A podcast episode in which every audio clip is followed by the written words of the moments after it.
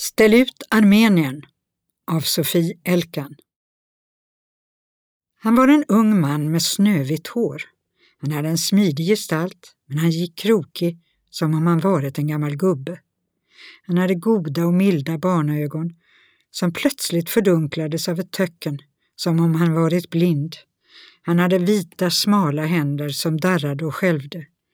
Han talade livligt men stannade plötsligt mitt i en mening och hans drag fingo ett spänt uttryck som om han lyssnade till några fasansfulla ord som viskades i hans öra. Ord som endast han hörde men vilka han upprepade med darrande läppar.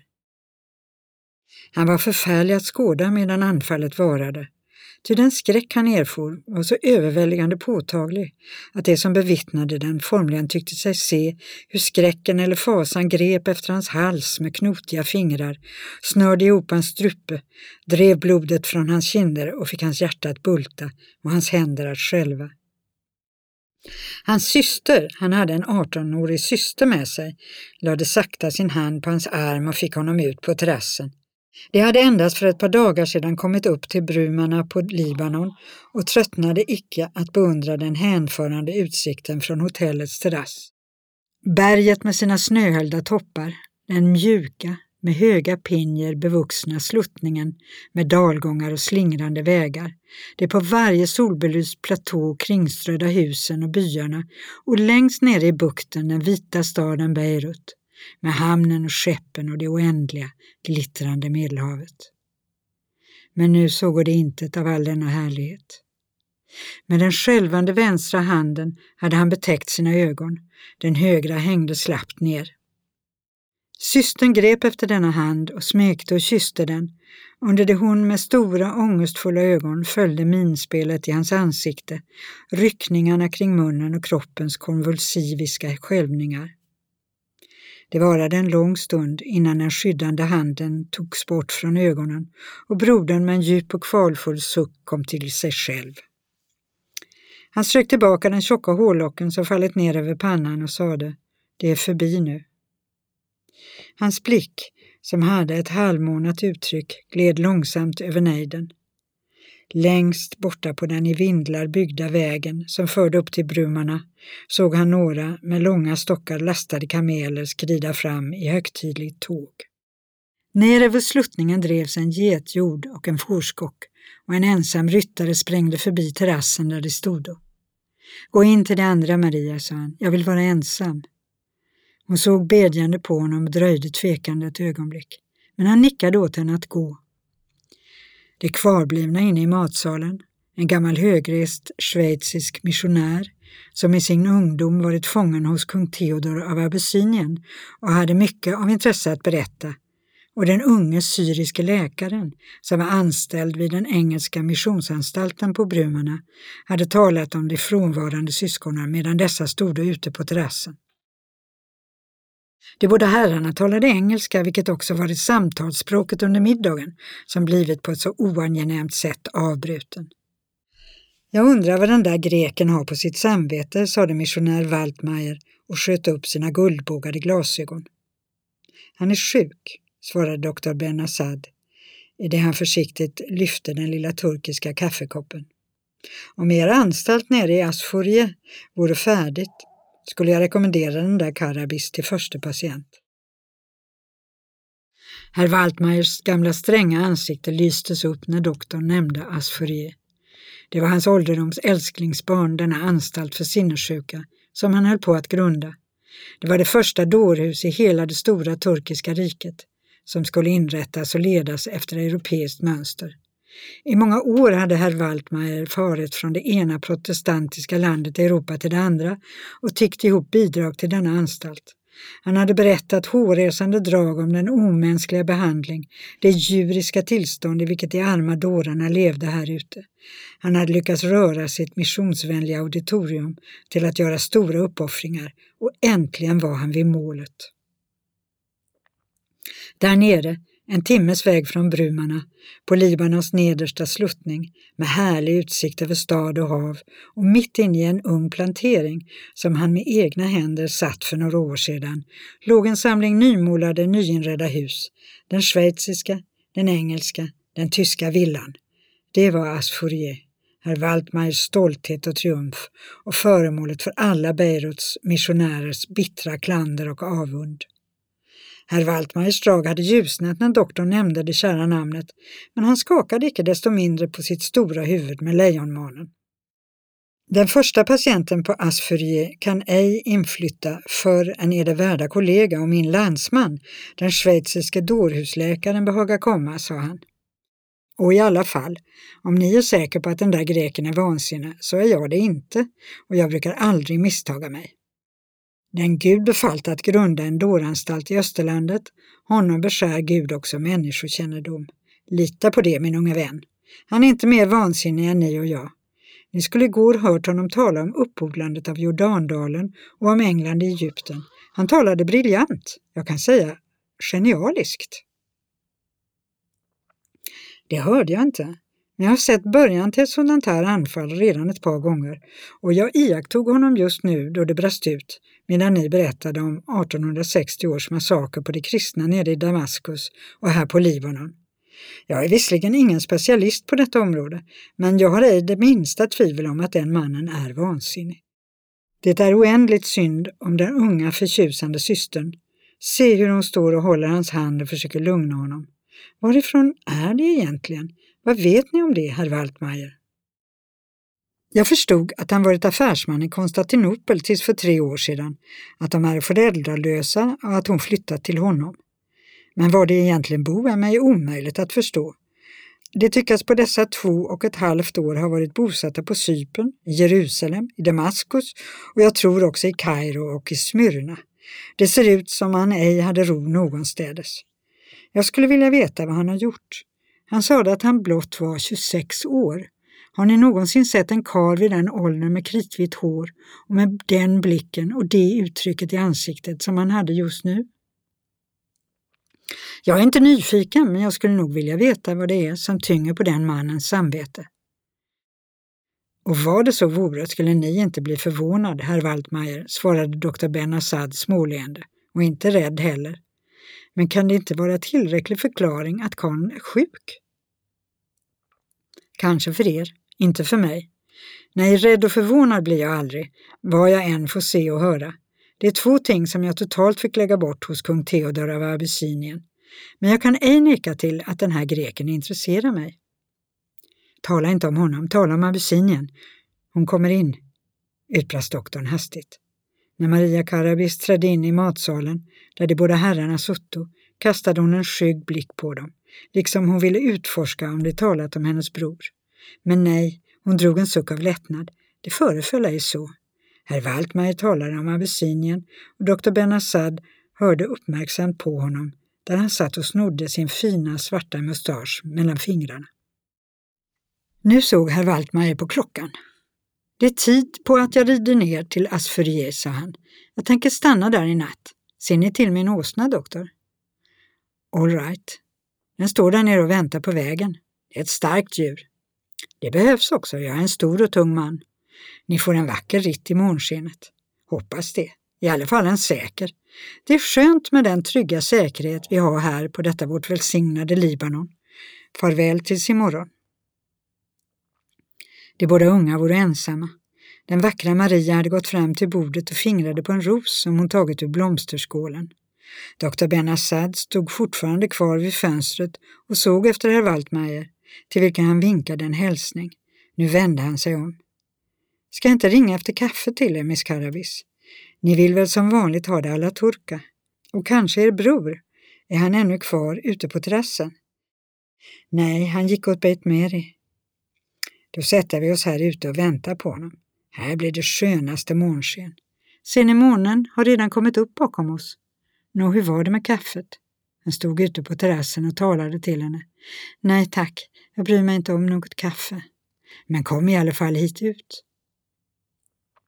Doktorn bar en stol fram till balustraden som kantade den stora terrassen och satte sig själv upp på räcket och tände en cigarett. Hon kom ut till honom. Hon hade kastat en svart spetssjal över sitt huvud. Hon var mycket vacker som hon stod där i månskenet. Det var också på henne doktorn såg då han sa ni som farit så vida och sett så mycket, Har ni sett många ställen när det ens något som kan jämföras med detta? Han vände sig om och hans svärmiska svarta ögon såg hänryckta ut över det storartade sceneriet som nu belystes av klart månsken och tusentals blixtrande stjärnor.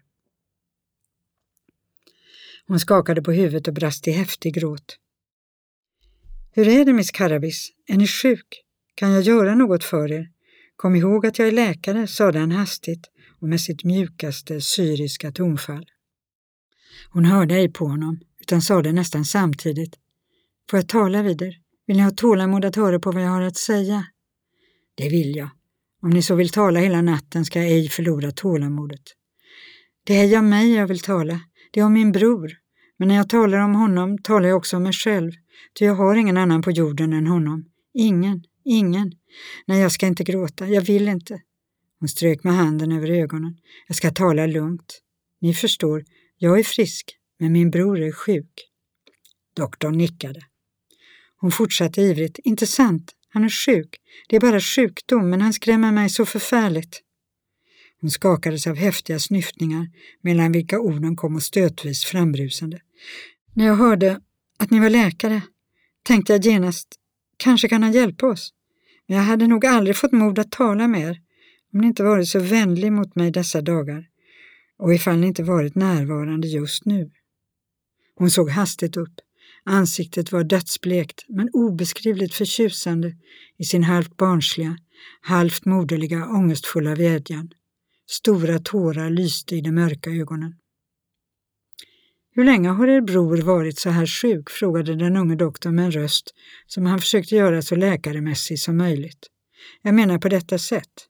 Det ser ut som han skulle haft någon förfärlig skrämsel vars följder han ej kan övervinna. Det är så. Det är så. Hans hår blev vitt på tre dagar. De dagarna då massakern på armenierna ägde rum i Konstantinopel. Han var bosatt i Konstantinopel då. De mördade en ung armenier i det hus där min bror bodde. Sedan dess har han aldrig varit sig lik. Och ni skulle ha sett, ni skulle ha hört honom förr. Han var ett geni, det sade alla människor. Ni tror att jag överdriver därför att jag älskar honom så outsägligt. Säkert är det emellertid att sedan jag var ett litet barn hörde jag att min bror var ett snille. Men när han kom hem till Korfu på min fars begravning, då kände människorna knappt igen honom. Han var som en skugga av sig själv, jagad av skuggor. O, denna ständiga oro, denna virvel av tankar och föreställningar. När han säger att han är så trött, så trött, och jag förstår att han är det, ty också jag är trött, då blir jag så förfärligt rädd. Då fruktar jag det värsta. Hon vred sina händer. Det är som att strida mot osynliga fiender som ligger i bakhåll och om vilka man ej vet när de härnäst skola falla över en. Så säger han att han känner det och så känner jag det, fortsatte hon. Men vore det ej långt bättre i så fall för er att resa i Europa eller bosätta er där och ej vistas i detta vilda Österland där allt kan hända och där allt måste påminna honom. Idag till exempel. Tror ni inte att jag förstår det? Intet kan vara sämre än att vara här. Jag menar inte här på Brumarna. Här är det fridfullt och skönt. Hon sträckte ut armarna som om hon velat famna det sköna Libanon. Men här i Österlandet har jag inte bett och besvurit honom att återvända till vårt kära Korfu, där alla känner honom och älskar honom. Men nej, det är omöjligt. Han vill ej lämna Österlandet och han vill flacka omkring från det ena stället till det andra utan rast eller ro. Min stackars, stackars bror. Vad ska jag göra? Vad kan jag göra för honom? Jag sjunger för honom. Jag försöker på allt sätt förströ honom. Jag har ingen annan tanke än hur jag ska kunna jaga bort alla ängslande föreställningar. Och ni ser, jag kan inte. Jag kan inte. Det behövs blott de där orden herr Waltmeier sade i middags. Om min bror blott ville tala vid en läkare, men det är omöjligt att förmå honom att göra det. Han vill ej erkänna att han är sjuk. Det är inte sjukdom som drabbar mig, säger han. Vad säger han att det är? Det dröjde en stund innan Maria svarade, så kom det nästan ohörbart. Han säger att det är ett straff. För vad? Doktorn tyckte sig höra Waltmeiers ord. Jag skulle vilja veta vilken synd den där greken har på sitt samvete. Det vet jag inte. Jo, visst vet jag. Det är en fix idé han fått. Maria ryste. Något förfärligt han inbillar sig. Och när han får det där anfallen upprepar han ständigt några turkiska ord som jag ej förstår. Jag förstod dem, inföll doktorn nästan ofrivilligt. Vad säger han? Marias brännande blick var fäst på doktorn. Han sa, så vitt jag förstod, ställ ut Armenien. Är det inte så att man kan bli tokig själv? Vad ska jag göra, herr doktor? Vad ska jag göra? Doktor Benazad tänkte blott på att lugna den stackars upprörda flickan. Ni ska ha tålamod och hopp, sade han med sin varma syriska brytning. Ni ska tänka att han är sjuk. Ni ska säga eder att det förfärliga han bevittnade och erfor under de hemska massakerdagarna gjort honom sådan han nu är, att hans nervsystem är skakat, men att intet är omöjligt för den barmhärtiga tiden och den stora kärleken. Det finns intet i världen som kärleken ej förmår, tillade han med lägre röst.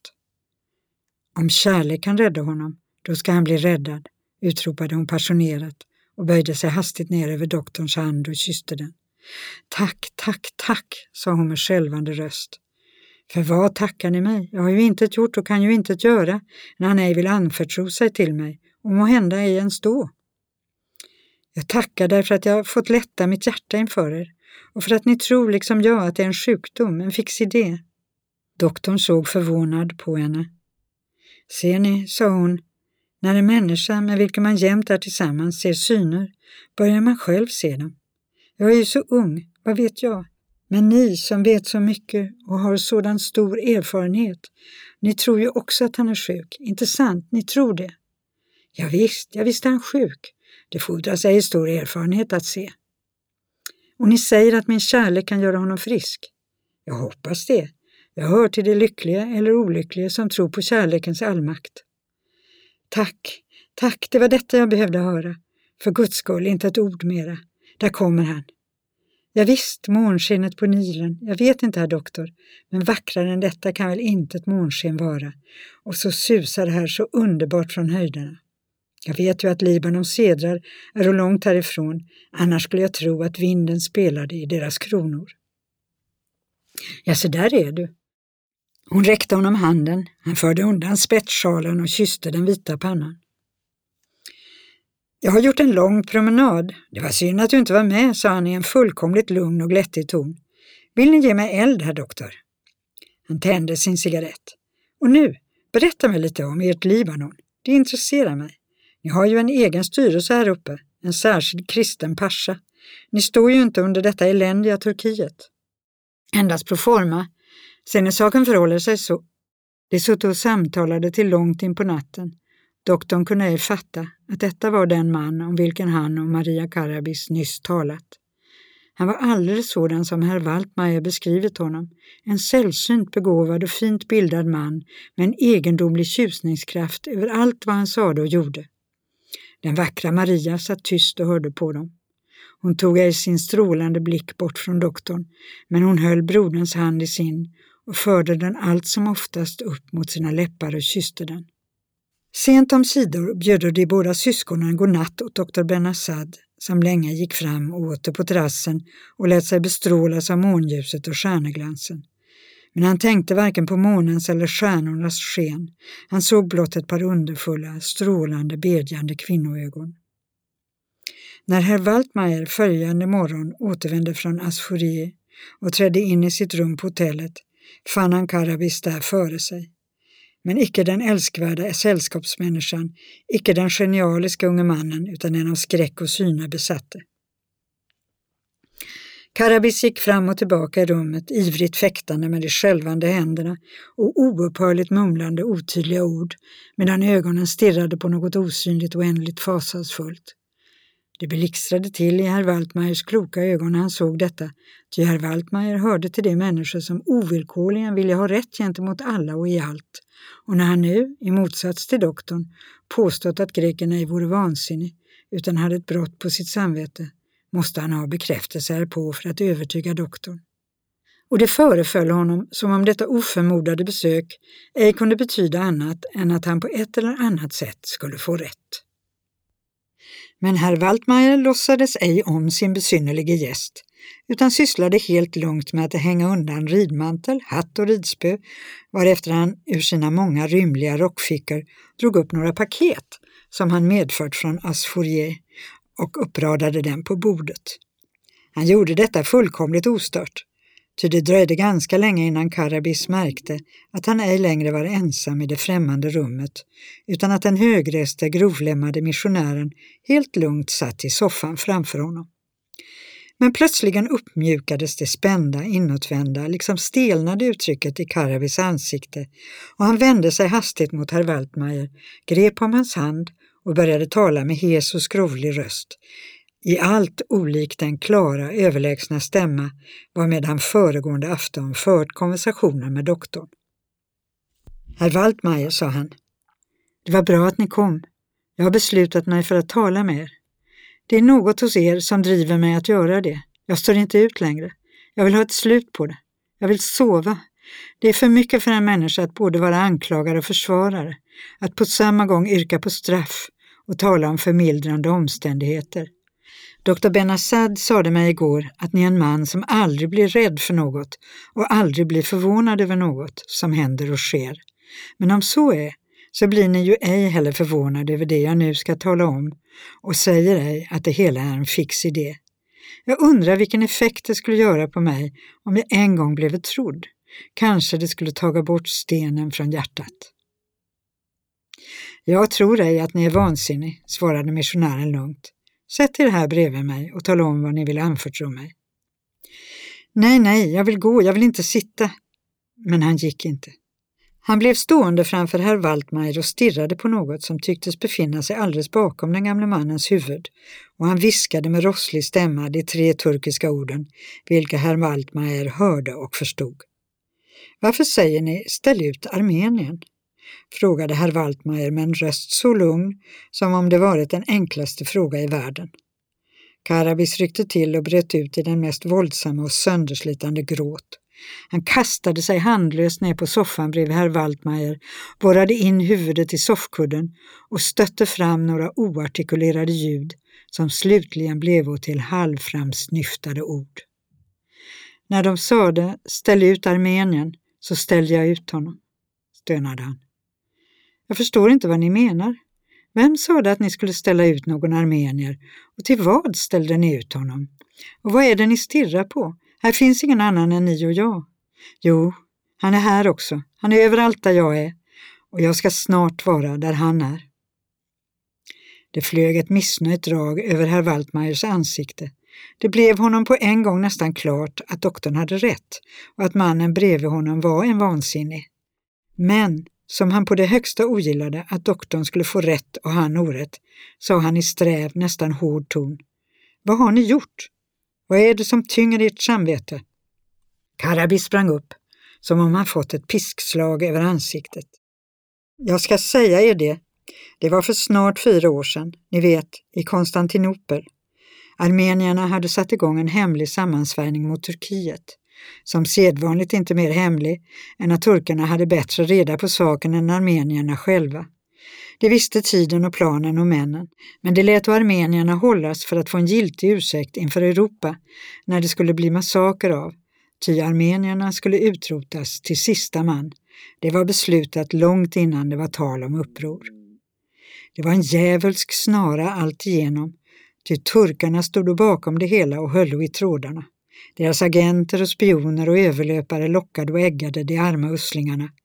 De invaggade dem i säkerhet och inbillade dem att nu eller aldrig var tiden inne. Ni förstår mig, jag talar ju fullkomligt redigt. Fullkomligt. Ni är ej mer vansinne än jag är. En märkbar förändring hade inträtt med Karavis, allt sedan Waltmeier frågat vad han gjort och vad som tyngde på hans samvete. Det var som om han med all makt ville reda upp sina minnen och därför med våld trängde alla andra tankar och förnimmelser tillbaka. Han talade visserligen fort och upprört, men fullkomligt klart och hans blick mötte stadigt Waltmeiers forskande ögon. Nu såg han ingen annan än honom. Ni vet hur enfaldigt armenierna buro sig åt, fortsatte han. Hur de trängde in i Ottomanska banken, där ej en vitten tillhör Turkiet och där de förresten ej stulo en piaster. Jag vet, det var det där huvudlösa inbrottet som gav turkarna förevändning till massakern. Ja, förevändning. Det var beslutat att armenierna skulle massakreras och det, jag menar regeringen och sultanen, höll också i beredskap sina förtroendemän från Konstantinopel och omnejden. Förfärliga människor som plötsligen dök upp och lika plötsligen försvunno som om de sjunkit i jorden när de tre dagarna vore över. Och till dessa uslingar sade de sjufalt värre uslingarna, här är och knölpåkar och här är och era order. Alla armenier slås ihjäl, ingen armenier får undkomma, så vitt det beror på er, men heller ingen annan drabbas än armenierna. Ni får ej röra vid européerna och ej vid judarna, endast armenierna, armenierna. Staden indelades i formliga distrikt och till varje distrikt skickades en mördare hord av 40-50 man. Anföraren för varje skara fick en förteckning på vartenda hus i sitt distrikt. Så här måtte det ungefär ha låtit. På den där gatan, i det där huset, bor i första våningen en jude. Den låter ni vara. I andra våningen bor en europé. Den får ni inte röra. Men i tredje våningen bor en armenier och den krossar ni skallen på. Ja, allt det där finge vi veta sedan eller har gissat oss till. Under massakerdagarna trodde vi att det gällde oss alla. Somliga europeer och judar blev ju också dödade, men det var bara i misshugg. O, dessa förfärliga dagar. Jag vet, jag har varit med om österländska massakrer mer än tillräckligt, sa Waltmeier. Och inte sant, när man en gång sett det, kan det någonsin glömmas? Eller är det blott jag som ej kan det? Hur de arma satarna jagas från hus till hus, från gata till gata, hur de flämtar och våndas och löpa för att komma undan det tjutande människokopplet som är efter dem, omkring dem, allestädes, överallt, hetsande, skrikande. Hur de förföljas överallt, uppe på taken, i portgångarna, i återvändsgränderna, hur de ihjälslås i legationernas trädgårdar där de söker skydd. Hur knölpåkarna vina och susa i luften, hur de faller ner och krossa. Intressant, det ljud man aldrig kan förgäta, detta frasande dova ljud när knölpåken faller och huvudskålen krossas. Det ljudet är det värsta av alla de skräckens ljud man hör. Mångdubbelt hemskare och fasansfullare än suset av kulorna, hemskare än skriken och bönorna och jämmeropen. Till och med värre än vadandet upp till fotknölarna i blodet, fast den ljumma blodlukten nära på kväljer en till döds. Men ljudet av knölpåkarna, när de faller och smular sönder, det förstenar den. Man är inte längre sig själv. Man vet inte vad man tänker eller vad man gör. Man vet inte ens vad man gjort. Man är som besatt. Håret vitnar av fasa. Ni har alldeles rätt, svarade Waldmeier. Det är förfärligt. Jag har sett personer som dylika massakerdagar gjort till hjältar och andra som de gjort till bödlar. Jag har sett modiga män söka gömma sig i råtthål och jag har varit med om hur vekhjärtade personer blivit rasande och slagit ihjäl de mördare de råkat och som ej vill åt dem. Och intet förvånar mig. Och vet ni, när jag var ung brukade jag grubbla över just detta, hur jag månne skulle bära mig åt under hemska oväntade förhållanden på vilka jag ej fått tid att förbereda mig. Jag tänkte på teaterbrand, på skeppsbrott, men jag kunde lika väl ha tänkt på en österländsk massaker om jag hade drömt att jag skulle bevittna en sådan. Jag undrade om jag skulle uppföra mig som hjälte eller tvärtom, till sådant vet man aldrig. Men ni uppförde er som en hjälte, sade Karabis med halvkvävd röst. Waldmeier höjde på axlarna. Jag däremot. Karabis avbröt sig häftigt och det kom som en snyftning. Ni är en god man, herr Waltmeier, som säger mig detta. Det gör det lättare. Jag är så trött, så trött. Jag är inte en usling av naturen och jag har ej kunnat bära det. Ni är en god man. Jag är en klok man, svarade Waltmeier, och ibland kan det vara bättre än att vara en god man. Karabis såg hastigt upp på honom. Hjälp mig, hjälp mig, stammade han. Jag kan inte säga det och jag tycker att jag ej kan få ro förrän jag sagt det till någon som tror mig. Att berätta det för min syster har blott varit ett spegelfäkteri. När jag anklagar mig svarar hon, du är sjuk. Men hjälp mig ni, och hjälp mig. Det bodde en armenier i samma hus som ni, sade Waldmar långsamt och med blicken fäst på Karabis ansikte. Karabis nickade. Ja, ja, men det var ändå ej som ni tror. Det skedde inte genast. Jag försökte först att rädda honom. Jag gömde honom undan och bar till honom mat och dryck och höll vakt över honom. De sökte honom förgäves den första dagen. De sökte honom den andra, men de funne honom inte. Jag hade honom undanstucken bakom en tapetdörr som doldes av bokskåpet. Jag trodde att det skulle lyckas med att hålla honom dold och när allt blev lugnt föra honom ur staden. Jag trodde att det skulle lyckas mig, men för varje minut, för varje timme som gick, blev sökandet och mördandet allt vildare. Jag kände honom inte förut, jag hade aldrig talat ett ord vid honom och vi talades ej vid då heller annat än det allra nödvändigaste.